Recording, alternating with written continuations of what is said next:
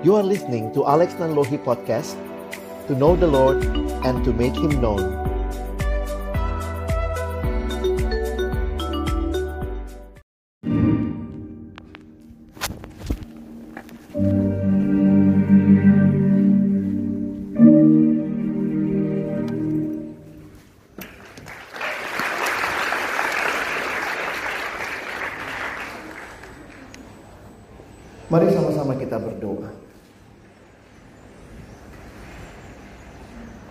Tuhan, tolong kami. Ketika kami menyadari betapa rapuhnya kami untuk melakukan apa yang menjadi kehendak-Mu. Dan betapa mudahnya kami melakukan hal-hal yang menyakiti hati Tuhan. Tuhan yang menciptakan kami Tuhan yang punya rencana dalam hidup kami. Hari ini kami akan membuka firman-Mu. Tolong kami, agar ketika kami membuka firman-Mu, bukalah juga hati kami. Jadikanlah hati kami seperti tanah yang baik, supaya ketika benih firman Tuhan ditaburkan, itu boleh sungguh-sungguh berakar, bertumbuh, dan juga berbuah nyata di dalam kehidupan kami. Berkati hambamu yang menyampaikan firman dan setiap kami yang mendengarkan. Tuhan tolonglah kami semua.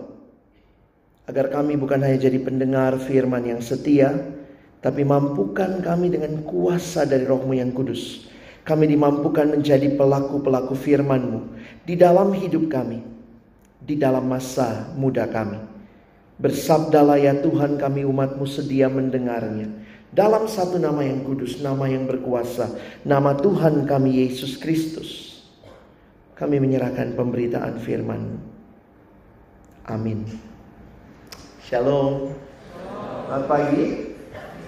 Kita bersyukur kepada Tuhan kesempatan ini kalian adik-adikku boleh hadir. Selamat datang di kampus ini. Kesempatan yang indah bukan hanya belajar ilmu yang tinggi, tapi kita berdoa Tuhan menyatakan dirinya. Tuhan berkenan menyapa kita di dalam perjalanan kita di kampus ini. Saudara, hari ini kita bicara identity matters. Satu hal yang di dalam generasi ini terus ditanyakan adalah tentang identitas.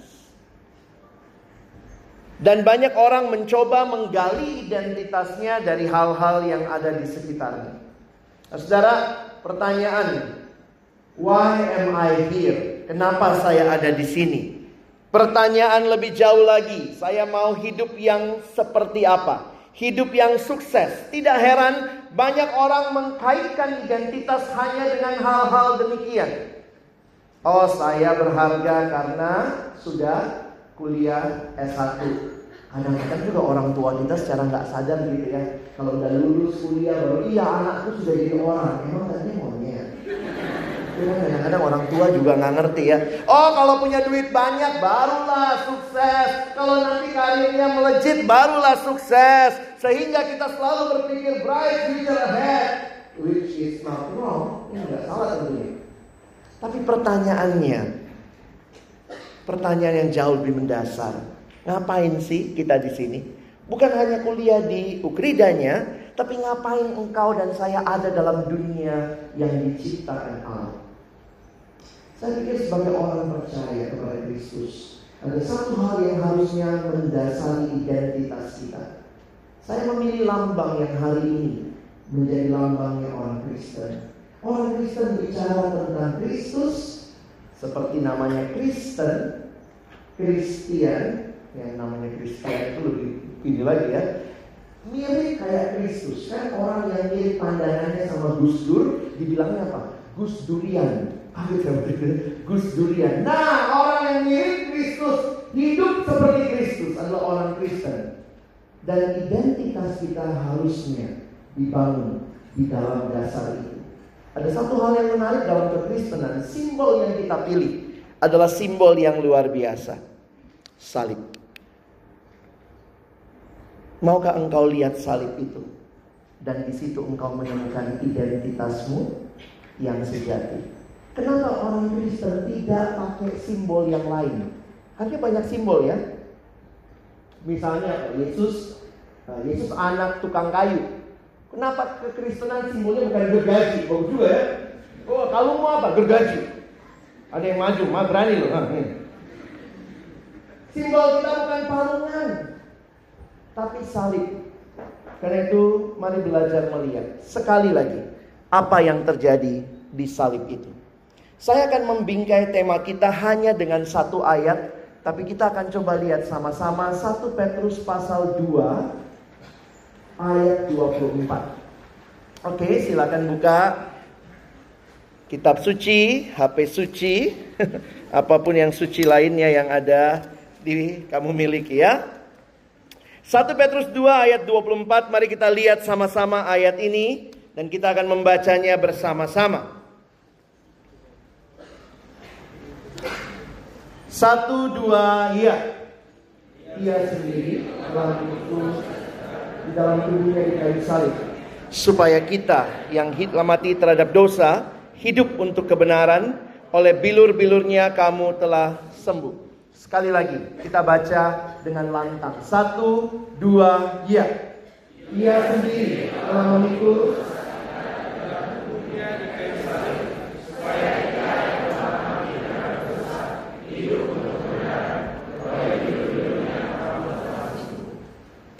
Saya sengaja memilih ayat ini karena di dalam ayat ini kita menemukan gambaran yang sangat jelas tentang keselamatan. Semua agama bicara doktrin keselamatan. Semua agama bicara bagaimana memperoleh keselamatan. Dan Kristus adalah keselamatan kita. Ini yang kita pelajari di dalam Alkitab. Saya mengajak kita melihat tiga hal dalam ayat ini.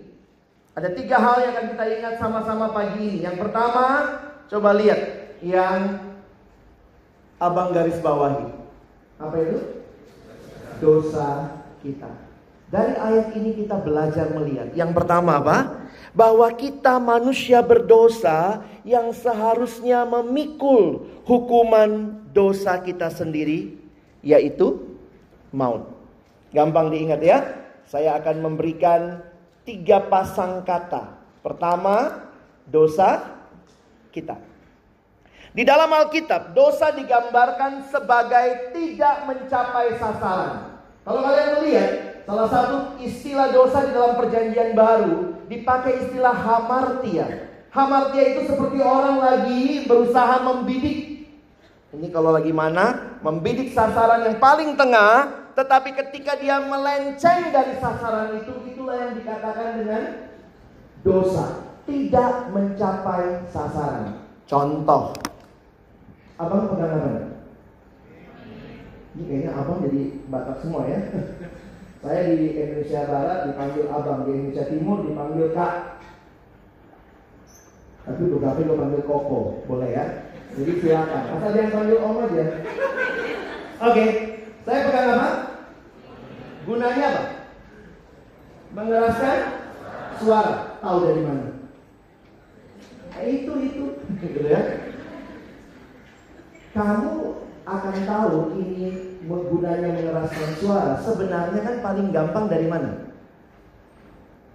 Kalau beli buku uh, beli barang elektronik biasanya pakai buku panduan. Dari buku panduannya ketahuan gunanya apa? Jadi siapa yang keluarkan buku panduannya? Pembuatnya. Jadi kalau mau tahu apa tujuan mic ini dicipta tanya sama Pembuatnya gampang kan? Ini dicipta untuk mengeraskan suara. Kalau misalnya saya pakai mic ini, ini mic gunanya apa? Kalau gatal. Mic mencapai tujuan yang dicipta? Tidak, itu hamartia. Tidak kena sasarannya. Dicipta untuk mengeraskan suara tapi dipakai garuk-garuk. Nggak sampai sasaran. Engkau dan saya dicipta untuk apa? Apakah dicipta untuk narkoba? Oh, kalau saya sih senang narkoba ya, nasi kornet babi. saya di Bandung pernah diajak sekali. Ayo bang, habis bang. Ayo bang, kita narkoba. Saya kaget. Ini pengurus PM-nya nggak bener nih anak-anaknya.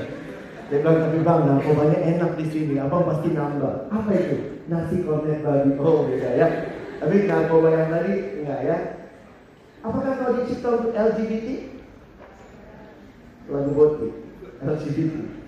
Kita lihat sama-sama. Manusia punya masalah dengan identitas. Sepanjang zaman, pertanyaan yang terus manusia tanyakan adalah, siapakah aku? Kadang-kadang kalau kita tidak menemukan dengan tepat jawaban atas pertanyaan ini, maka mungkin kita akan memandang diri terlalu tinggi, jadi sombong luar biasa. Atau bahkan memandang diri terlalu rendah, minder luar biasa. Sehingga mari kita sama-sama melihat kita ada dalam sebuah generasi yang sedang mengalami krisis identitas. Dan krisis identitas, waktu kita dalami lagi, krisis ini menimbulkan problem. Banyak sekali problem yang terjadi di sekitar kita. Kita udah lihat tadi beberapa. Apakah ini harus diselesaikan dengan psikologi? Saya pikir kita harus melihatnya lebih dalam. Psikologi pasti bisa menolong dalam batas tertentu. Tapi karena engkau dan saya manusia yang adalah ciptaan Allah, maka teologi akan menjawab masalah ini. Ini bukan sekedar masalah krisis identitas, tapi akar masalahnya dosa kita. Karena itu pertanyaan ini terus ditanyakan sepanjang zaman. Siapakah saya? Ada tiga hal yang harus saudara jawab. Ada yang mengatakan kalau kamu bisa jawab tiga pertanyaan ini kau survive dalam hidup. Pertanyaan pertama, dari mana saya datang? Pertanyaan kedua, ngapain saya di sini? Dan pertanyaan ketiga, mau ke mana hidup saya? Gampang diingat. Past, where do I come from? Now present, ngapain saya di sini? Dan future, mau ke mana hidup saya? Jawaban terhadap pertanyaan ini akan menentukan engkau survive dalam hidup.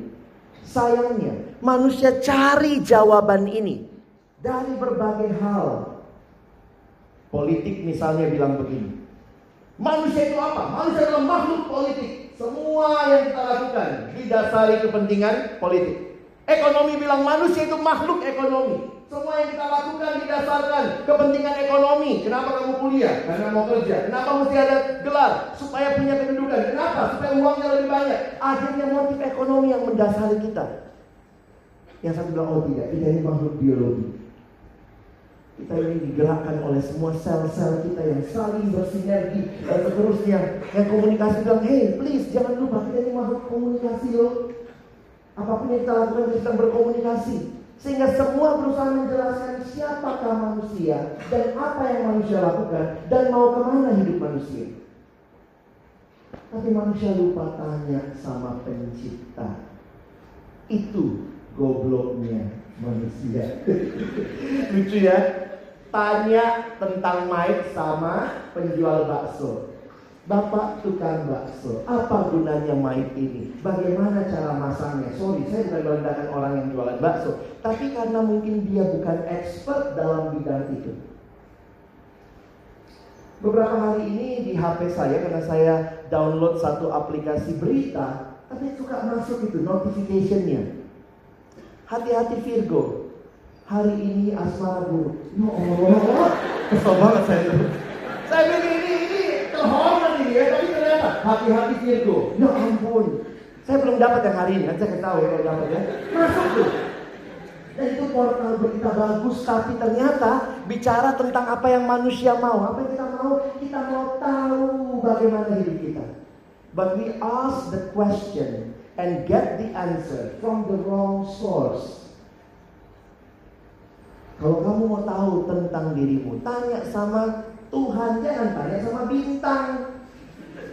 Gobloknya luar biasa. Bintang minggu ini, hati-hati Capricornus. Jangan deket-deket Pisces, dia ikan nanti kau basah. Ya itu orang goblok juga bisa ngomong. Tapi itulah manusia ya. You want to know the answer, but you get the answer from the wrong source. Tanya sama Tuhan. Kenapa kita ciptaan Tuhan? Karena itu uh, pengkhotbah bilang apa?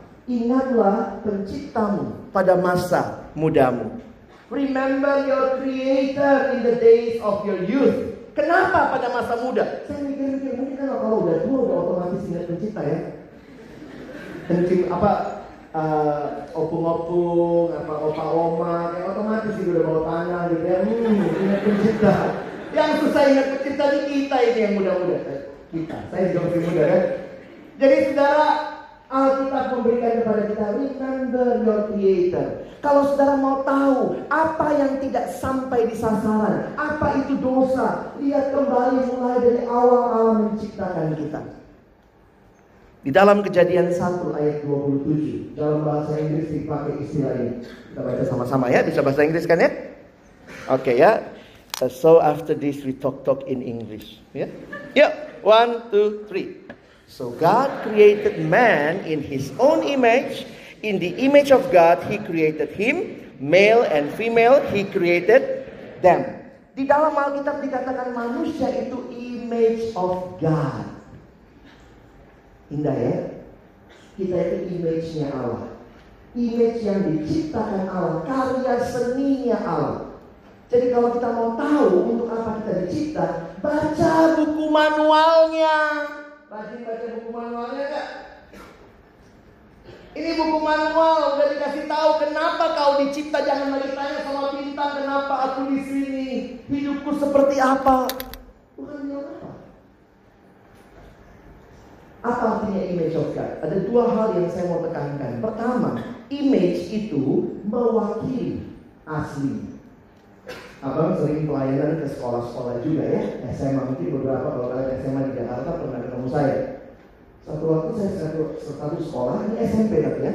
Lalu kemudian saya tanya, di depan kelas selain burung Garuda Pancasila, ada siapa berdua? Presiden sama wakil presiden. Itu saya tanya sama anak-anaknya, mana presiden kita? Otomatis mobil itu, itu. Saya numpang tanya, kalau itu presiden kita, ada berapa presiden di sekolah? Karena setiap kelas punya satu. Ya, syukur di toilet tidak ada ya.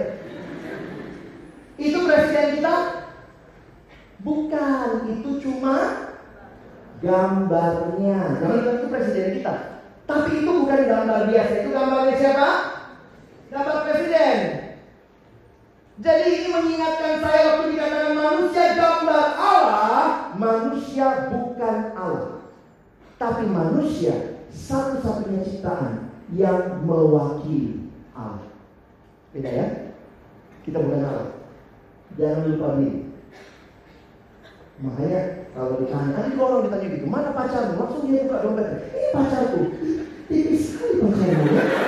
Itu bukan pacarmu, itu cuma gambarnya. Tapi itu bukan gambar biasa, itu gambar pacarmu. Kira-kira begitu ya. Jadi jangan jangan salah gitu. Kadang-kadang manusia lupa diri. Itulah dosa. Dosa itu membuat kita sering kali lupa diri. Kenapa engkau dan saya spesial? Kita spesial karena kita adalah diciptakan segambar dan serupa dengan Allah.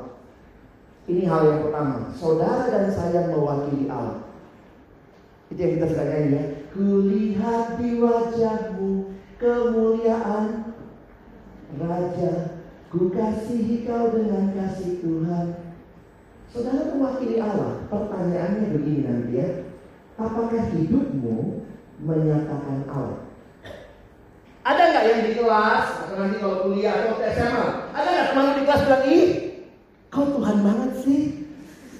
Udah ya, ini Yesus sekali kau. Kalau belum, jangan-jangan kita belum ingat status kita. Kita ini mewakili Allah. Kalau orang lihat kita, harus siapa yang lihat? Allah.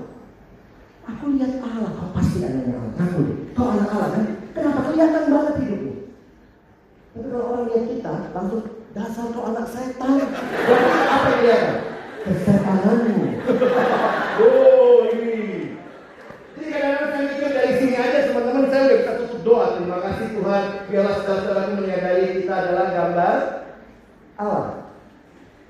Engkau harus mewakili Allah. Yang kedua, apa artinya kita adalah gambar Allah? Kita berarti diciptakan seperti Allah di dalam hal relasi. Allah kita adalah Allah yang berelasi. Karena itu ada Bapa, Anak, Roh Kudus. Makanya ketika Allah menciptakan manusia, manusia adalah makhluk yang diciptakan dalam relasi. Perhatikan, ada empat relasi penting yang kita harus ingat. Pertama, Allah menciptakan kita dalam relasi dengan dia. Yang kedua dalam relasi dengan sesama. Yang ketiga relasi dengan diri sendiri. Dan yang keempat relasi dengan alam. Gampang yang dilihat ya. Ini kalau anak sekolah minggu saya ajarin pakai gerakan. Kita dicipta untuk menyembah Allah, mengasihi sesama, menerima diri, memelihara alam. Ayo, anak ada adik-adik sekolah minggu ikut ya. Kita dicipta untuk menyembah Allah, mengasihi. Jangan fokus teman Menyembah Allah, mengasihi sesama, menerima diri, memelihara alam. Itu rancangannya. Jadi kamu udah bisa bayangkan nama kamu apa? Kalau Allah harusnya disembah dan manusia melenceng tidak menyembah Allah, itulah dosa. Lucu ya, manusia itu gobloknya, dosa itu bikin kita goblok. Ayo bilang sama saudara, dosa bikin kita goblok. Ayo bilang. Kita, eh kita ya, eh, bukan kau. Jangan bilang dosa bikin kau. Kita, kau masuk. Kita. Dosa bikin kita goblok. Siapa yang harusnya disembah? Allah, Tuhan ya. Tapi itulah, begitu masuk manusia itu lagi dalam dosa yang terjadi? Tuhan dibuang. Sesama harusnya apa? Dikasihi. Sesama bukan dikasih, buk, mati kau. Itulah dosa. Miss the target. Satu lagi. Alam harusnya dipelihara. Tapi terjadinya gitu. Allah dibuang, alam disembah. Itu gobloknya manusia. Begitu lewat, permisi om ya. ya. Lihat pohon besar. Ada embah di sini lah. Rokok-rokok dulu ya mbak. Hebat kita ya. Yang disembah yang bukan Allah, yang Allah dibuang. Diri sendiri tidak diterima, nanti kan puji Tuhan. Nggak mesti kan kita punya muka kayak orang lain, syukuri mukamu. Jangan syukuri muka orang lain dan minta muka dia jadi mukamu. Belum tentu cocok. Tuhan ciptakan pas gitu ya. Begitu lihat orang gitu, terus mulai yang komplain Tuhan. Cantik banget. Ya kalau lihat yang cantik yang ganteng kita syukuri aja. Puji Tuhan dia cantik. Puji Tuhan dia ganteng. Saya nggak usah punya pergumulan dia. Oh jangan pikir orang cantik gak ada pergumulan loh. Pulang malam takut. Coba kamu pulang malam. Gak takut kan? Berani-berani aja. Sorry ya. Tuhan kan menciptakan kita berharga. Berharga bukan tergantung muka. Berharganya itu insight loh. Jadi jangan peduli sama casing loh ya. Karena casing agak bapak dulu, nggak apa-apa yang tidak sehat gitu. Nanti kita bahas kapan-kapan ya tentang casing ya. Kita juga harus memelihara tubuh, tapi bukan berarti mempertuhankan tubuh. Atau identitasmu tergantung dirimu. Saya sering cerita sama siswa, soalnya ada yang datang sama saya, anak remaja, tiba-tiba dia datang ini, Kak Alex, kan dibilang jelek, ya berarti yang jelek. Luarnya yang jelek, nggak bilang apa. Tapi saya bilang begini, ingat, makanya saya bacain ayat Yesaya 43 ayat 4. D, Alkitab berkata, engkau berharga. berharga. Jadi berharga itu tidak tergantung Makanya Tuhan, puji Tuhan ya ayatnya. Coba bayangkan kalau ayat Alkitab bilang begini. Engkau cantik dan ganteng di mataku. Gimana kita ya masuk? Puji Tuhan Alkitab kasih kategori yang lebih mendasar. Engkau. Berharga karena engkau berharga. Tidak tergantung luarnya. Tidak tergantung pendidikanmu. Engkau berharga. Yang memulung di jalan pun sama berharga dengan kamu. Tidak ada yang lebih berharga karena semua sama di hadapan Allah. Kita manusia. Makanya saya bilang sama dia, kalau ada yang bilang kau jelek deh, jangan takut. Pelototin matanya. Bilang sama dia, lu bilang gue jelek. Masalahnya bukan di gue, di mata lu. Bukan di saya, di matamu. Bayangkan, penciptaku aja bilang aku berharga. Lalu kamu ngomong kau nggak ber... Karena itu saja kalimat sama jelek lu, mati aja kan kayak gitu kan. Kita kasih kesimpulan lain. Kan jelek pun tidak dari muka muka bumi ini. Nah, pencipta bilang aku berharga, kamu cuma ngomong jelek. Sorry ya, matamu cuci. gitu ya. Nah, jadi teman-teman perhatikan. Saya coba simpulkan beberapa hal tentang identitas. Saya melihat identitas itu karena manusia ciptaan Allah, maka identitas manusia selalu berasal dari luar diri. Benar ya? Dan saya mau menggarisbawahi kenyataan generasi ini yang selalu mencari identitasnya ke dalam. Our identity because we are created. Kita bukan self-created. Kita tidak menciptakan diri sendiri. Kita dicipta karena dicipta. Perhatikan logika berpikirnya. Karena dicipta berarti identitasnya dari mana? Dan yang mencipta dong. Nggak ada yang begitu tercipta langsung bilang aku manusia. Tuhan bilang kamu manusia. Maka identity itu bukan bukan look inside, bu, uh, tapi dari outside. Ini kalau ditanya mana yang benar, look inside atau find outside? from outside. Tapi outside-nya pun, pun from creator. Sekarang ada orang mulai ya biasa LGBT jadi tren. Tadi aja di videonya gitu ya. Ya udah aku kira LGBT. Kita mendiskriminasi teman-teman yang punya pergumulan itu. Ini pergumulan real. Kalau kamu punya pergumulan ini, minta pertolongan. Itu pergumulan real. Tapi poin saya adalah apa? Beberapa artis-artis, selebriti di YouTube mulai ada yang coming out. Kasih tahu, oh saya memang LGBT. Oke, okay. saya menghargai orang-orang yang mengatakan seperti itu. Tapi kenapa engkau demikian? Ada yang bilang, ya, saya untuk perhatikan inside me. Oh ternyata memang saya dari kecil suka sama sesama jenis. Oh, saya just follow my heart, follow my heart. No, If your identity is from your creator, then you need to follow your creator, even though your heart feels struggle for that. Tidak ada di Alkitab, follow your heart, but follow God's word. Ikuti buku manual. Karena kalau tidak, nanti semua bisa bilang begitu. Aduh bang, aku pengen banget mencuri bang. Aduh, aku ciptakan kayak dari kecil, aku suka mencuri. Nah, aku ikuti hatiku, mencurilah sorry ya, sekali kamu bilang follow your heart, then you need to follow the rules. Everything follow your heart, everything follow your heart. No. Saya harus katakan bagi kalian, itu tidak Alkitabiah. Follow God's word. Manusia diciptakan dalam relasi dengan Tuhan dan relasi itu relasi yang indah.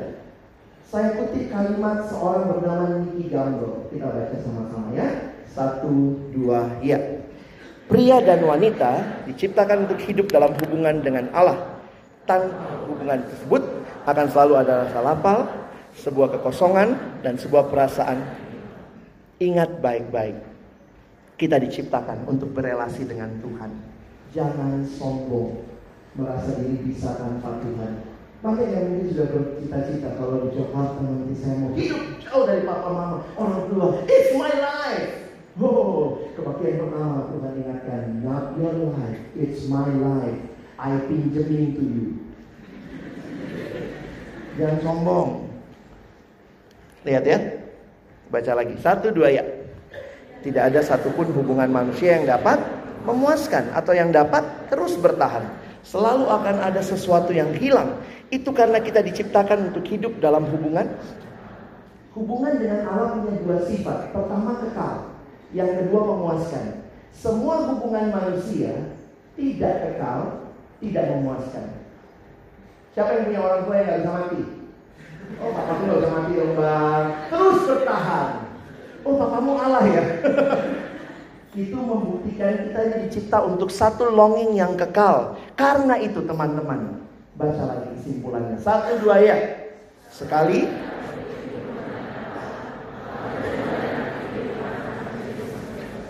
Your identity and purpose in life is from your creator. Karena itu ingat baik-baik teman-temanku. Manusia yang diciptakan oleh Allah hanya bisa punya kepuasan sejati waktu dia berjumpa dengan Tuhan. Yang bisa memuaskan kita bukan ciptaan, tapi pencipta. Karena itu biar gampang diingat. Yang memuaskan bukan yang horizontal tapi yang vertikal. Saya pikir kalian mau udah tahu ini ya, tapi ini harus diingatkan terus. Not the creator, not the creation, but the creator. Nah karena itu teman-teman, saya coba melihat lagi definisi dosa. Salah satu definisi dosa saya kutip dari John Piper, seorang yang mengatakan kalimat ini. Sin is what you do when your heart is not satisfied with God. Jadi dosa lebih dalam lagi bukan cuma me melenceng dari sasaran, tetapi ketika hati kita tidak menemukan kepuasan sejati di dalam Allah, kita cari yang lain, itu dosa. Orang lain lagi mengatakan definisi dosa ini namanya Timothy Keller. Dosa dia bukan sekedar melanggar hukum, tapi menyakiti Allah yang sudah menciptakan kita, yang sudah mengasihi kita, yang mengatakan engkau berharga dan engkau katakan Tuhan tidak, saya mau ikut yang saya mau, bukan yang kau mau. Dosa menyakiti hati Tuhan. Kan itu banyak orang nanya, abang senangnya lagu apa? Salah satu lagu yang sangat saya senangi, Tuhan, ku mau menyenangkanmu. Walaupun saya tahu nyanyi lagu itu struggle, pergumulan banget. Kenapa? Karena ternyata dalam setiap hari saya, saya lebih sibuk menyakiti hatimu. Karena itu teman-teman saya lanjut ya. Dosa itu fokusnya aku. Yang paling penting aku. Aku, aku, aku, aku. I am everything. Sehingga kalau kalian mau lihat, semua perbuatan dosa selalu dampaknya pertama tidak mewakili Allah, atau mempermalukan Allah, harusnya kan mempermuliakan Allah dan semua dosa sifatnya relasional. Coba lihat. Kamu yang mana? Dosa itu relasional kan? Gak ada orang playboy sama hewan-hewan ya. Mesti ada tadi ya, ada ada pasangannya. Jadi dosa itu selalu sifatnya relasional. Tidak ada yang kita lakukan hanya sendiri. Itu pun dalam relasi dengan diri kita sendiri. Jadi ketika kita dicinta, harusnya memuliakan Allah. Sekarang fokusnya aku, miss ke. Kau bilang, oh saya nggak begitu bang. Oh mungkin yang lain gitu ya. Nih. Kita udah lihat di video semua tadi ya. Tapi ada alat-alat yang lebih canggih lagi sekarang yang mungkin sedang mempermudah kita. Kita pikir cari kepuasan di HP. Makanya ini generasi yang paling marah kalau lampu mati. Merasa nggak? Pengalaman yang datang di atas pertama kali black out gitu ya. Ini generasi kalau cowok kan nggak ada tuh kayak uh. Karena kalau data habis, uh pakai data habis tuh rasanya. Jangan-jangan HP yang memperbudak kita. Dalam acara siswa kadang saya bilang angkat HP-mu. Semua yang punya HP angkat HP-nya. Saya tanya berapa banyak yang mau mempersembahkan HP-nya bagi kemuliaan nama Tuhan. Jangan-jangan dengan HP-mu yang canggih di situ juga kau jatuh dalam dosa. Atau mungkin yang mengikat kita ini ini smartphone atau goblok phone? Oh gampang sekali. Dosa bikin kita goblok karena kita tahu tapi kita nggak lakukan. Belanja. Bilang, wah sekarang gitu ya. Saya jangan ngomong kok kak. Iya tapi berapa aplikasimu? Shopee, Lazada, semua Tokopedia gitu ya. Tinggal sekarang dia hanya sejauh klik. Tinggal klik, beli. Nah ini pergumulan-pergumulan yang saya harus katakan hati-hati. Tidak ada yang salah dengan belanja. Tapi kita katakan terikat kepadanya. Jangan-jangan kita sudah mentuhankan benda-benda. Rasanya saya identitasnya kalau saya punya barang itu, barang saya berharga. Karena itu pasti orang sekarang beli barang itu kadang-kadang lihat mereknya. Saya kaget juga di dekat kampus, saya dulu kuliah di UI. Dekat situ pernah waktu saya masih masuk anak baru, ada sepatu dijual Reebok 25 ribu. Kaget saya, ih benar? Reebok 25 ribu, saya deketin, deketin, baru saya baca, oh Reebok E-nya satu. Reebok. Dalam hati saya ini dipakai sebulan robek. Tapi lihat ya, orang beli barang karena prestis. Kenapa? Kita rasa kita dapat identitas kalau punya benda itu. Atau mungkin yang mengikatmu ini. Opa, Oma, I'm so tired but I cannot stop watching. gitu ya. Ke mana-mana ya sarang, sarang, sarang tahun, sarang semua. Apalah ini ya. Abang nggak tahu sini apa cuma cari-cari gambar aja. Hati-hati, tidak ada yang salah dengan menonton, tapi kalau akhirnya kadang-kadang gini, udah baca kita B hari ini, aduh nggak sempet kak, tapi kalau satu malam 17 seri jadi Tadinya kadang-kadang apa? Istri saya suka drama Korea juga. Jadi kalau dia lagi nonton gitu ya, saya kadang bingung gitu. Tiba-tiba tawa. Tiba-tiba diam, sedih. Eh, bentar, saya gila dari Gimana nih ya? Gimana nih? Saya suami yang baik, saya pernah berusaha menyukai. Saya nonton apa dia ikut ya. Astaga Tuhan gak masuk gitu ya. Tapi ya udah mungkin bukan bagian saya gitu ya. Tapi saya lihat itu nggak cowok cantik gitu kan di situ ya. Ada cowok-cowok cantik, mukanya licin, licin, lalat nempel ke pleset. Kadang-kadang saya mikir, wow, ya. Tapi poinnya adalah apa? Apakah itu mengikat kita? Kalau ini mengikat kita kan bahaya. Kapan terakhir baca kita tertawa sedih? Pernah nggak baca kita? Uh, terus kita sedih. Kalau orang Korea bisa gitu. Kalau Alkitab, ih, ih, ih. Pengennya cepat selesai gitu ya. Ah, yang cowok jangan begitu ya. Apa bilang, oh cewek-cewek nih Korea, Korea. Mungkin ini kamu.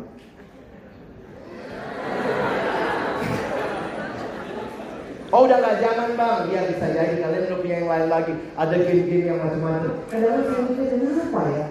Ada orang bisa begitu dedicated to game, mengabdi kepada game. Rela nggak makan demi game. Coba diajak, ayo dek, ada juga acara di kampus kita puasa doa. puasa. Tapi kalau main game rela puasa, kurang doa aja.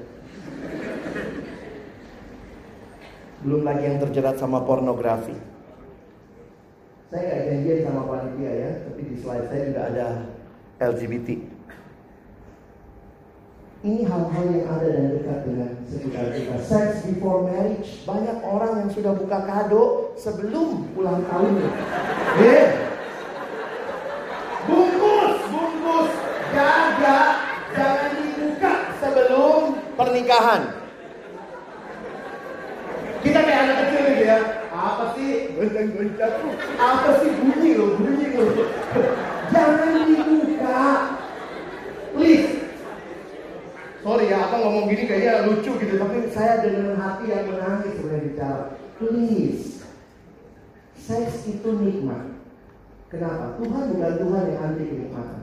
Seks itu indah, seks itu nikmat. Di sekitar bibir kita ada saraf kenikmatan. Di sekitar tengkuk, di sekitar dada, di alat kelamin, di paha ke bawah, kita diciptakan sebagai makhluk seksual oleh Allah. Tapi Allah berikan kenikmatan itu dinikmati dalam relasi suami dan istri. Jangan duluan. Sehingga orang yang sudah jatuh dalam dosa seks sebelum nikah biasanya akan sulit menghargai termasuk pria dan wanita yang melakukan itu sebelum pernikahan. Beberapa orang berkata itu menciptakan keintiman. Tidak. Bagi saya itu menciptakan penyakit baru. Penyakit apa? Namanya penyakit curigation.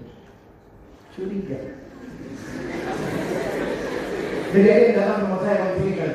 Kalian saya sama pacar saya sudah terlalu jauh. Hah? Apa itu terlalu jauh? Nah, konsulinan kita perhatian apa yang dikatakan terlalu jauh. Sudah sampai ke Bogor deh. Apa itu terlalu jauh? Kami sudah gituan bang. Apa itu gituan? Ya begitu. Mana saya tahu begitu. Apa itu? Jelas dulu. Kami sudah melakukan hubungan uh, seks sebelum menikah, tapi belum belum seperti suami istri, tapi sudah mirip. Okay. Terus saya tanya, bagaimana sekarang kau deh? Sebenarnya dia cewek. Saya merasa bang, karena dia pertama kali yang gituin saya bang. Jadi saya akan jaga dia. Oke, okay, kau mau jaga dia. Pokoknya dia ke mana bang, saya selalu curiga. Kenapa? Nah ini kalimat dia. Kalau dia bisa lakukan ke saya, berarti dia juga mungkin lakukan sama yang lain. Tapi kalian pacaran, tidak pacaran. Jadi saya sekarang mencuriga. Dan benar, Jadi kalau misalnya SMS, WA, di mana? Oh lagi kantin nih, lagi makan. Sama siapa aja? Sama si ini sini, foto. Bukti. Jadi makanya saya, saya kalau lihat, kalau orang yang seks sebelum nikah menciptakan keintiman, no, Men menciptakan curigation. Nah, satu waktu saya ketemu cowoknya, cowoknya lalu bicara begitu juga, bang, pacar saya begini, begini, begini. Nah saya juga bilang, mungkin kamu udah lakukan sama dia, dia akan begitu ke kamu. Nah tapi tiba-tiba cowoknya bilang begini, sorry ya. Cowoknya bilang begini, tapi kayaknya bang, dia bukan pertama kali sama saya. Padahal ceweknya ngaku saya pertama kali. Jadi sebenarnya seks sebelum pernikahan akan saling merendahkan. Dan cowok itu ngomong, waktu dia ngomong, tapi kayaknya bukan pertama kali sama saya, udah pengen saya gampang itu. Dalam hati saya, cewek lu cerita pertama kali sama kamu. Iya, tapi dia udah pengalaman. Hah?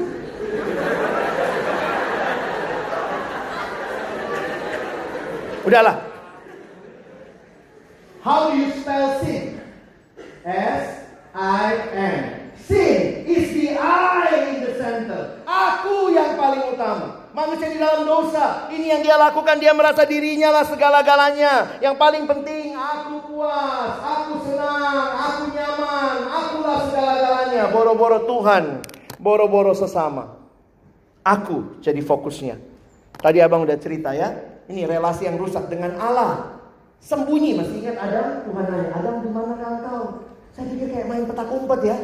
Adam, udah belum di mana? Tuhan tahu nggak sih Adam di mana? Tahu dong, Tuhan maha tahu.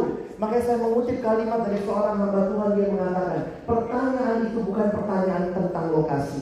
When God asked Adam, where are you? It's not a question about location. Tapi Adam tidak berada pada posisi yang seharusnya.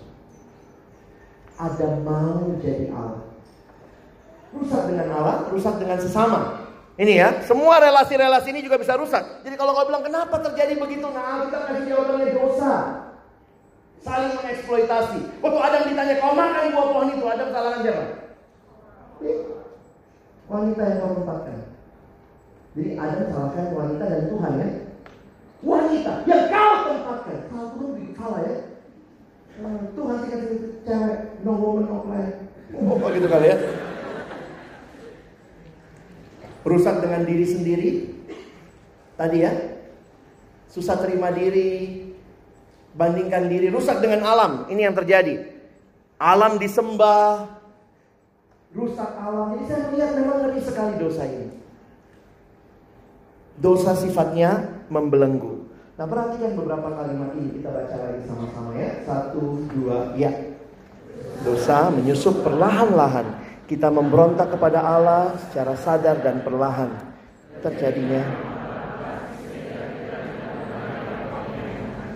Dan akibatnya, next, kita kehilangan rasa hormat terhadap diri sendiri, kemampuan untuk berpikir sehat, kemampuan untuk berkata jujur, kemampuan untuk memberi, kemampuan untuk mengasihi. Kalau saya jadi Tuhan kadang-kadang pikir susah juga nolong manusia yang gak berdosa ini. Tapi karena dia Tuhan, dia utus anaknya. Karena kita itu sering kali karena dosa, kehilangan akal sehat. Itu yang dari tadi saya bilang, goblok. Bayangkan, manusia doa sama Tuhan. Coba kalau kau jadi Tuhan gimana? Tuhan berikan saya kesehatan, tapi rokok jalan terus. Gimana nolongnya? Kita pikir, oh kalau dalam Tuhan gampang lah, Tuhan bisa putihkan semua.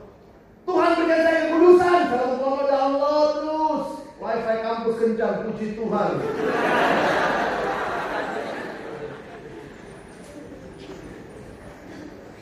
Dan ini pergumulan kita. Dosa membawa semua hal ini. Ketidakpastian, rasa bersalah, kekosongan, frustasi, keterikatan. Ini yang dosa bawa dalam hidup kita. Karena itu Alkitab berkata, upah dosa adalah maut. Dan teman-teman, adakah pengharapan buat kita? Waktu lihat gambar ini pertama kali, ada yang bisa coba perhatikan gambar ini? Ini judulnya, kalau kalian googling, judulnya Peter Drown. Petrus tenggelam. Jadi sebenarnya ini gambar itu Tuhan Yesus di luar air. Jangan kau pikir Yesus yang tenggelam ya, bukan. Yesus tuh di luar air lagi begini, Petrusnya lagi tenggelam, makanya Petrusnya nggak kelihatan. Jadi waktu saya lihat gambar ini pertama kali dan mengerti maknanya, saya berkata Tuhan terima kasih. Karena saya tidak bisa selamatkan diriku, karena itulah engkau datang. Dosa masalah kita. Tapi dari mana solusinya? Solusinya dari Allah. Jesus is God's solution for our sin. Searching answer to your life? Jesus, you have found me. Cari di mana nih ya? Laptop S-nya dua begitu ya. Keyboardnya dua S-nya ya. Demi kepentingan ilustrasi. Kita lihat satu video dulu sebelum saya lanjutkan ya. Kita lihat video berikut. Tolong lampu. Jangan lupa suaranya ya, Dek.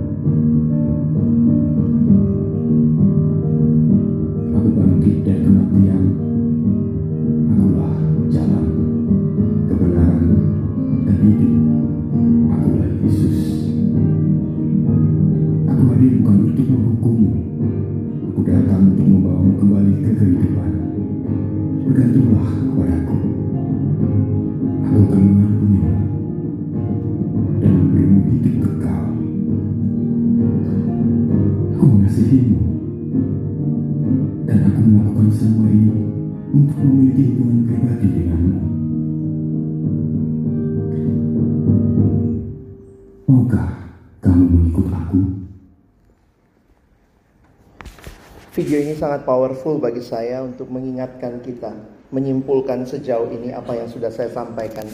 Saya lanjutkan hal kedua dan hal ketiga menutup bagian ini. Hal yang pertama tadi dosa kita. Tapi perhatikan hal yang kedua. Saya menggarisbawahi bagian selanjutnya. Di dalam ayat ini, ayat yang singkat, kita melihat Kristus memikul hukuman dosa kita, yaitu maut melalui kematiannya di kayu salib. Dosa kita, dua pasang kata berikutnya, salib Kristus, salib Yesus. Saudara, puncak karya Kristus di kayu salib. Waktu saya dapat gambar ini pertama kali, ini siluet hidup Yesus dari dia lahir sampai dia bangkit. Tapi di mana Yesus berkata sudah selesai? Di kayu salib. Yesus nggak ngomong sudah selesai di palungan ya. Coba yang lagi baru lahir terus ada orang mandi sudah selesai lahir manusia ya. Yesus tidak berkata sudah selesai habis kasih makan lima ribu orang lalu dia berkata sudah selesai. Tidak. Dia tidak berkata sudah selesai setelah dia jalan di atas air. Dia katakan sudah selesai di kayu salib. Karena di situlah dosamu dan dosaku diselesaikan. Dia memberikan kasihnya kepada kita. Perhatikan istilah ini. Makin saya lihat ayat ini sudah sering dihafal, tapi saya bersyukur. Salib Yesus bukan hanya membawa saya yang bodoh jadi pintar, yang sakit jadi sembuh. Salib Yesus membawa aku yang binasa boleh hidup kekal. Ini hal yang sangat membedakan. Jesus is the only way. Salib menunjukkan dua hal. Betapa seriusnya dosa kita. Tapi di salib yang sama menunjukkan juga betapa kasihnya Allah kepada kita. Saudara dan saya yang sudah hancur di dalam dosa. Bukan itu rancangan Tuhan bagi kita. Dia kasihi kita. Dia selamatkan kita. Karena itu kita melihat semua yang terjadi menjelang penyalipan sampai di kayu salib. Semua ini Tuhan cuma mau mengatakan satu hal. Saya kutip kalimat pendeta Billy Graham. Melalui semua ini, Yesus cuma mau bicara kepadamu. I love you. If you want to look for a definition of love, you should look not in a dictionary, but look at Calvary. Apa itu kasih? Lihat di kayu salib. Apa yang Yesus lakukan bagimu. Supaya engkau berhenti hidup nyasar dari tujuan. Melenceng dari tujuan. Kembali kepadanya. Dia berikan hidupnya. Dia bayar upah dosa. Yang engkau dan saya lakukan. Kita kalau bilang love itu apa? Ini kalau Korea gitu ya. Itu love? Salah, salah. Is this love?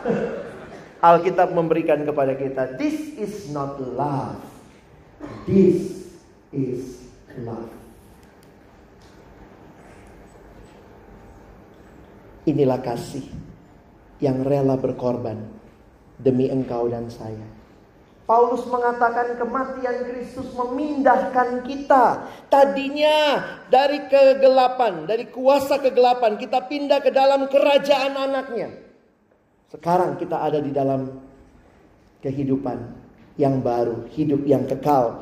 Dosa telah dikalahkan di kayu salib. Kematian Kristus dasar janji pengharapan kita. Dan perhatikan, dia tidak hanya mati, dia bangkit. Dan kebangkitannya memberikan kepada kita jaminan. Malaikat bertanya, mengapa engkau mencari dia di antara orang yang mati?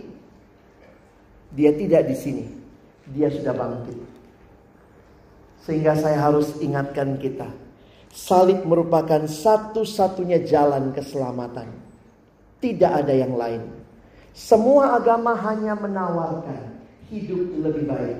Tapi Kristus menawarkan hidup yang kekal. Bersama dia selama-lamanya.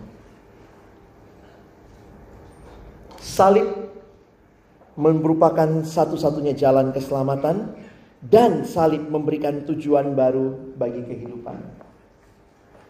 Yang terakhir, pertama apa tadi? Dosa kita. Yang kedua, salib Yesus. Yang ketiga, yang terakhir. Perhatikan yang abang garis bawahi.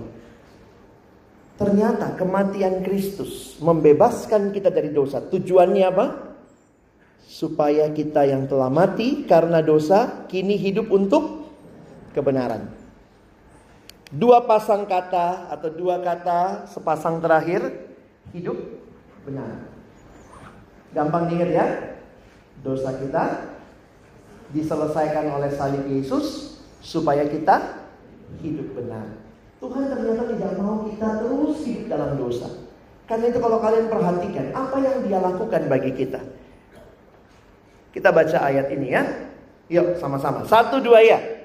Sebab kamu tahu bahwa kamu telah ditebus dari cara hidupmu yang sia-sia. Yang kamu warisi dari nenek moyangmu itu bukan dengan barang yang fana. Bukan pula dengan perak atau emas. Melainkan dengan darah yang mahal. Yaitu darah Kristus. Yang sama seperti darah anak domba yang tak bernoda dan tak bercacat. Tuhan beli kita kembali. Harganya telah lunas dibayar. Karena itu Paulus mengerti betul bahwa ini adalah transaksi yang terjadi. Perhatikan kesaksian Paulus. Kita baca 1 Korintus 6 20. 1 2 ya. Sebab kamu telah dibeli dan harganya telah lunas dibayar. Karena itu Tuhan bayar kamu dengan harga yang mahal. Bukan dengan perak emas dengan darahnya sendiri. Di, di kalimat yang lain, ini kesaksian Paulus lagi. Kita baca sama-sama ya. Satu, dua, ya. Dan Kristus telah mati untuk semua orang. Supaya mereka yang hidup tidak lagi hidup untuk dirinya sendiri. Tetapi untuk dia yang telah mati. Dulu kita hidup bagi diri. Itulah dosa. Apa pun aku, aku, aku. Tapi kematian Kristus membuat sekarang kita hidup untuk dia. Siapa dia? Dia yang telah dibangkitkan. Yang telah mati dan telah dibangkitkan untuk kita. Jadi teman-teman, saya pikir tuntutan Tuhan gak berlebihan ya. Ayo hidup benar. Hidup benar ini tercermin di mana? Di cara belajarmu. Tadi ya, jangan plagiat. Jangan nyontek. Kalau saya telah ditebus, maka saya tinggalkan dosa, tapi juga nampak dalam berbagai hal positif. I a new way of study. Jangan belajar karena mau ujian, belajar untuk mengerti, mengerti, memahami, dan akhirnya ilmu berguna bagi orang lain. Itu berdampak dalam caramu bergaul. Siapa temanmu? Ada banyak pilihan teman di sekitar kita. Tadi kita udah lihat ya di video. Ini akan berdampak di caramu berpacaran. True love waits. Ayo bilang sama-sama. Satu dua ya. True. Tunggu. Tunggu. Tuhan memberi kesempatan kepada kita. Dan tadi dikasih tahu oleh Pak Pras ya, di kampus ada banyak sarana bertumbuh. Jangan kau pikir ini kebaktian pertama dan terakhir ya. Puji Tuhan Pak, sudah ikut kebaktian hari ini. Jangan ada lagi. Nanti ada ibadah, ada kebaktian. Ini bukan untuk menambah bebanmu, tapi membawa kamu kenal siapa Tuhan. Keep growing, jadi orang yang bertumbuh dalam Tuhan. Karena itu saya simpulkan, ya tiga hal. Ingat ya, apa yang pertama? Dosa kita begitu mengerikan, diselesaikan oleh salib Yesus. Supaya supaya kita hidup benar. Abang harap kalian pulang bawa oleh-oleh ini untuk kebaktian pertama di Ukraina. Identitasku ada dalam Kristus yang menyelesaikan dosaku, kematiannya membayar semua yang aku harusnya bayar, dan dia mau aku hidup dalam kebenaran. Apa respon kita? Buka hatimu terima Yesus. Saya pikir ini respon yang paling jelas ya. Banyak orang nanya sama saya, apa sih terima Yesus? Tapi seiring dengan berjalannya waktu, saya mengingat dua hal. Ini artinya terima Yesus. Pertama, kamu yang terima Yesus berarti kamu percaya. Tidak ada Tuhan yang lain. Kau bilang, oh aku udah percaya, dari kecil udah Kristen. Apalagi yang dari Indonesia Timur, Indonesia Barat, yang kayaknya uh, suku-suku Kristen gitu ya. Tapi poin saya begini, itu bukan kekristenan tradisi. Apakah engkau secara personal sudah pernah menyatakan Tuhan, ini hidupku, aku percaya padamu sebagai satu-satunya Tuhan dan Juru Selamatku. Bukan karena sekedar tradisi. Papaku Kristen, mamaku Kristen, masa aku Buddha? Oh, jadi akhirnya, oh jadi karena tradisi. Banyak orang karena tradisi tidak paham Sesungguhnya apa artinya? Yesus satu-satunya Tuhan dan Selamat. Karena itu jangan heran, ada yang pada saat yang sama ngakunya Kristen masih percaya horoskop.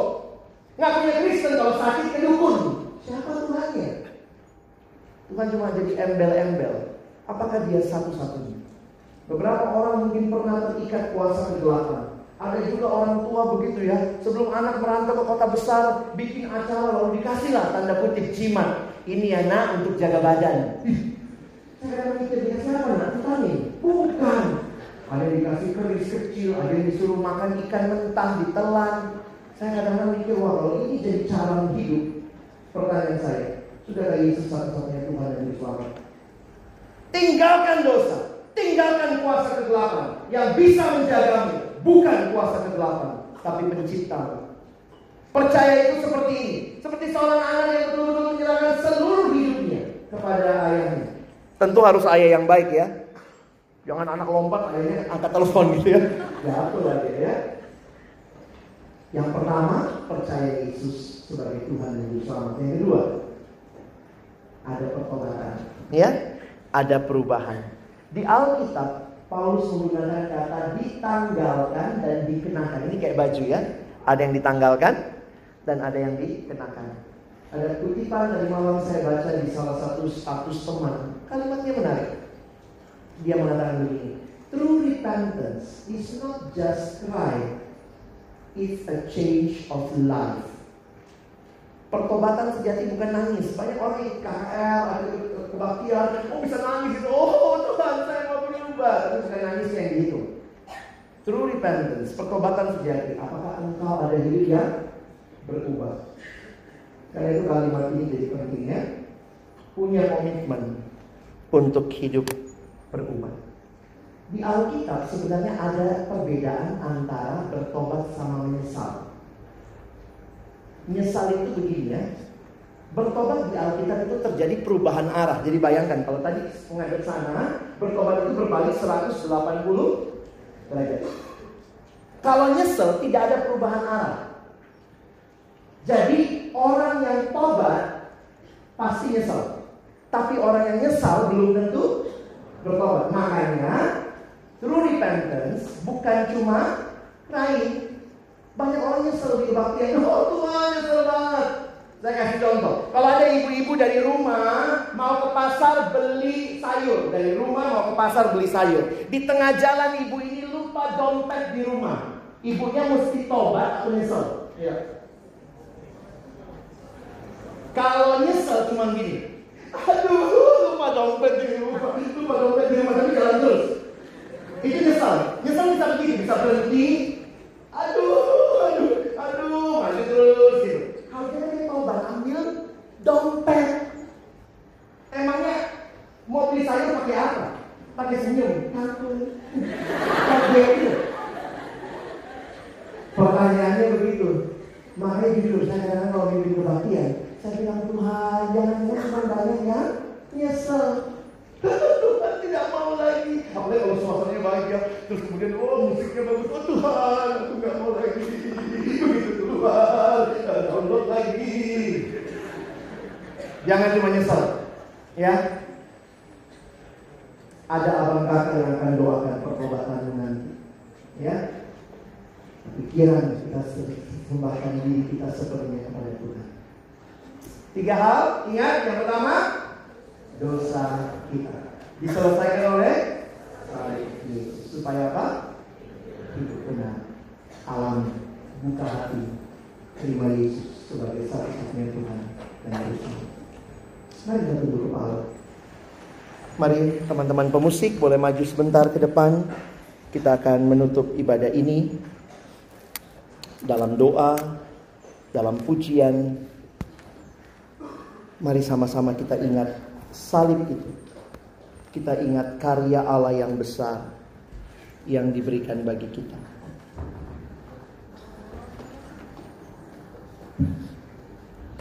Tidak usah ditampilkan syairnya. Saya yakin sebagian besar tahu lagu ini. Saya minta kita nyanyikan dengan perenungan. Tutup matamu sebentar, renungkan lagu ini.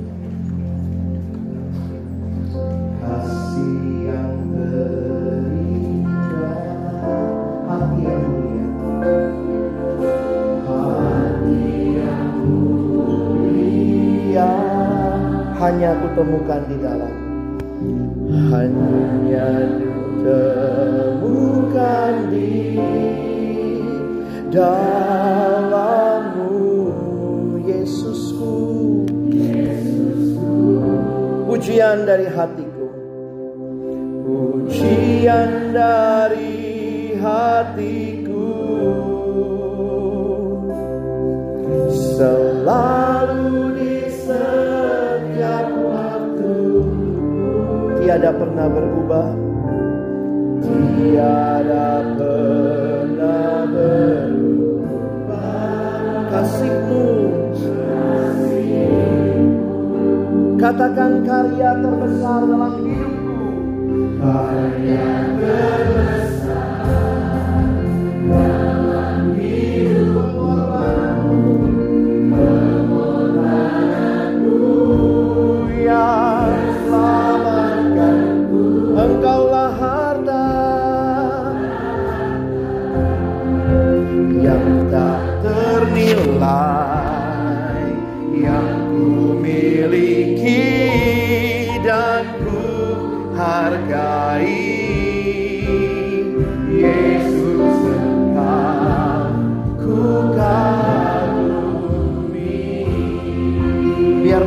mengalun dengan lembut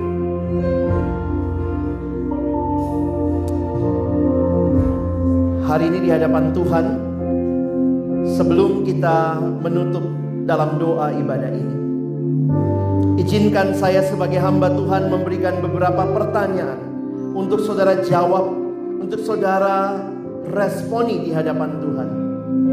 Bukan di hadapan manusia. Siapa yang berkata hari ini, Tuhan, saya baru mendengar firman Hari ini saya baru mengerti betapa engkau mengasihiku Tuhan. Kau tidak mau aku hidup di dalam dosa. Mungkin selama ini saya dibesarkan dalam keluarga yang percaya. Tapi saya belum pernah sungguh-sungguh buka hatiku secara pribadi. Menerima Yesus sebagai satu-satunya Tuhan dan Juru Selamat. Masih banyak hal-hal lain yang aku ikuti. Tapi hari ini setelah dengar firman. Saya mau buka hatiku. Untuk pertama kalinya dalam hidupku. Saya mau buka hatiku terima Yesus sebagai satu-satunya Tuhan dan Juru Selamat di hidupku. Kalau ada adik-adikku yang mau ambil keputusan ini, saya mau doakan keputusanmu. Mari waktu semua kita tunduk kepala, tidak ada yang lihat kiri kanan. Ini keputusan pribadi. Kau tidak bisa ambil keputusan buat orang lain, tapi kau bisa ambil keputusan untuk hidupmu. Siapa yang berkata Tuhan di sini saya, hari ini saya mengalami anugerahmu. Saya mau buka hatiku, terima engkau dalam hidupku. Kalau ada yang ambil keputusan ini, angkat tanganmu sebentar. Abang mau doakan keputusanmu. Puji Tuhan. Puji Tuhan. Puji Tuhan. Ada lagi. Puji Tuhan. Saya terbatas lihat tanganmu, tapi saya yakin Tuhan lihat hatimu. Kalau engkau berkata Tuhan di sini saya, saya tidak mau lebih lama hidup di dalam dosa. Hari ini saya membuka hatiku terima engkau Tuhan. Ini saya. Angkat tanganmu. Ada lagi. Puji Tuhan. Ada lagi.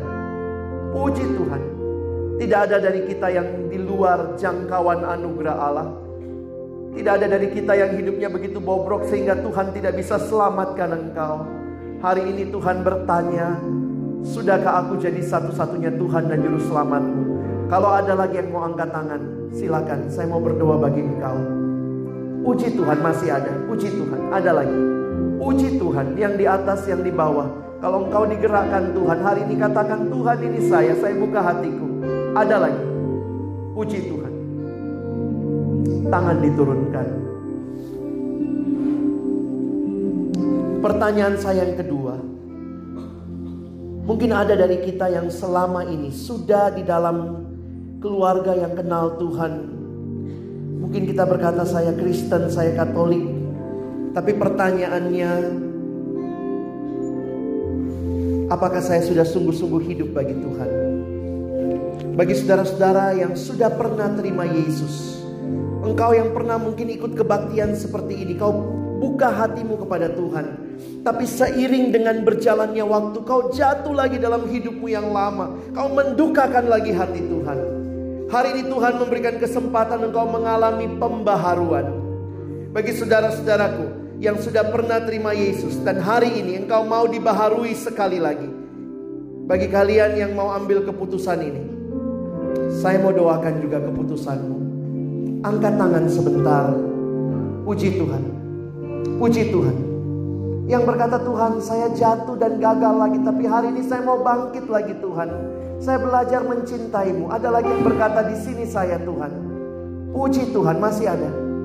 Puji Tuhan, Tuhan mengasihi saudara. Ada lagi. Puji Tuhan. Tangan diturunkan. Mari taruh tangan kanan kita di dada kita.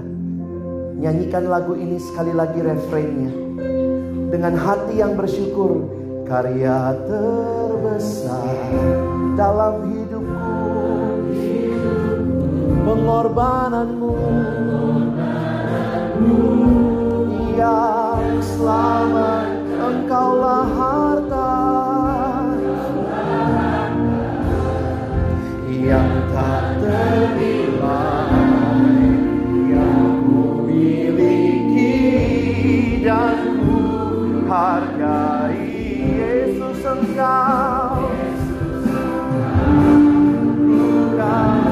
Mari berdiri bersama katakan karya terbesar dalam hidupku. Karya terbesar dalam hidupku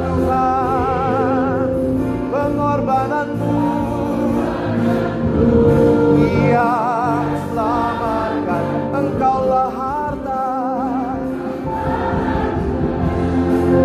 Yang tak ternilai Yang ku miliki dan ku hargai Yesus engkau.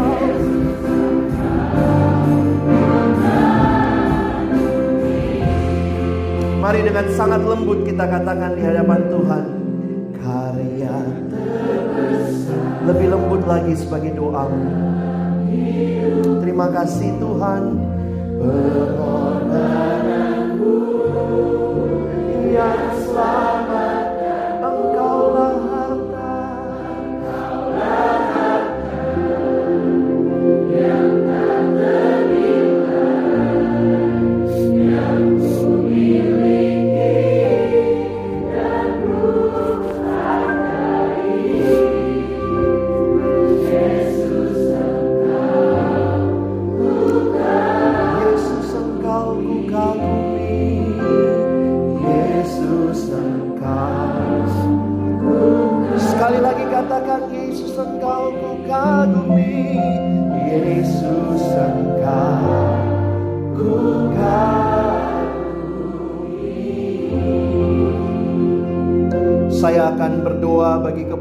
saudara-saudara Dan di akhir nanti saya minta boleh ke depan Bang Rigop menutup di dalam doa. Hamba menyerahkan adik-adikku yang hari ini buka hati mereka bagi Tuhan. Mereka yang pertama kali buka hati terima Yesus, Tuhan mereka milikmu. Kau mati bagi mereka, kau tebus mereka. Bukan supaya mereka hidup kembali dalam dosa yang lama. Tapi supaya mereka hidup bagimu. Tuhan ini hidup kami. Hamba menyerahkan adik-adikku yang buka hati terima Yesus hari ini. Jika mereka masih bergumul dengan pergumulan-pergumulan dosa, kami percaya Tuhan, Engkau yang memberikan kepada mereka hati yang terus mau haus mencari Tuhan, bertumbuh kenal Tuhan supaya mereka tidak makin menikmati dosa tapi makin menikmati hadirat Tuhan dalam hidup mereka.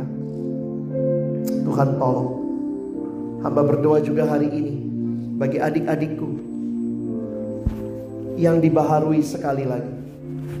Tuhan mungkin kami sudah melayani, kami aktif dalam pelayanan. Kami sudah jadi orang Kristen yang terlihat sungguh-sungguh. Tapi kami tahu di hati yang terdalam. Engkau yang kenal kami ada dosa-dosa yang masih kami simpan. Yang masih mendukakan hati Tuhan. Dan hari ini Tuhan baharui kami sekali lagi.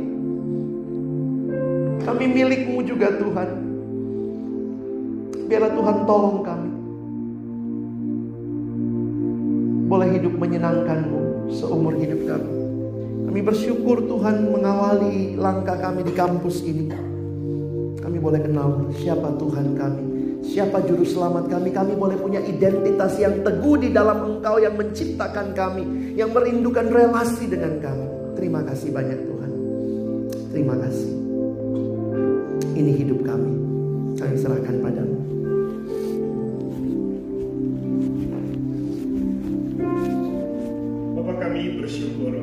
Kesempatan alami satu kebangunan iman. Kami bersyukur Engkau berbicara kepada kami. Kami bersyukur melalui pelayanan Kak Alex hari ini. Kami mendengarkan akan kebenaran. Kami bersyukur untuk pelayanan firman yang sungguh membangunkan kami dari kelelapan tidur kami. Kami sungguh bersyukur kepadamu ya Tuhan. Berkatilah pelayanan Kak Alex. Biar Tuhan yang akan terus memakai dia dengan luar biasa. Bagi orang-orang muda di kota ini, bagi Indonesia. Berkatilah kami semua sebagai mahasiswa di kampus ini untuk sungguh-sungguh mempermuliakan Engkau melalui hidup kami. Kami menyerahkan seluruh hidup kami kepada Engkau ya Tuhan. Dalam nama Tuhan Yesus Kristus yang namanya telah ditinggikan di tempat ini. Dalam nama yang berkuasa itulah kami telah berdoa. Amin.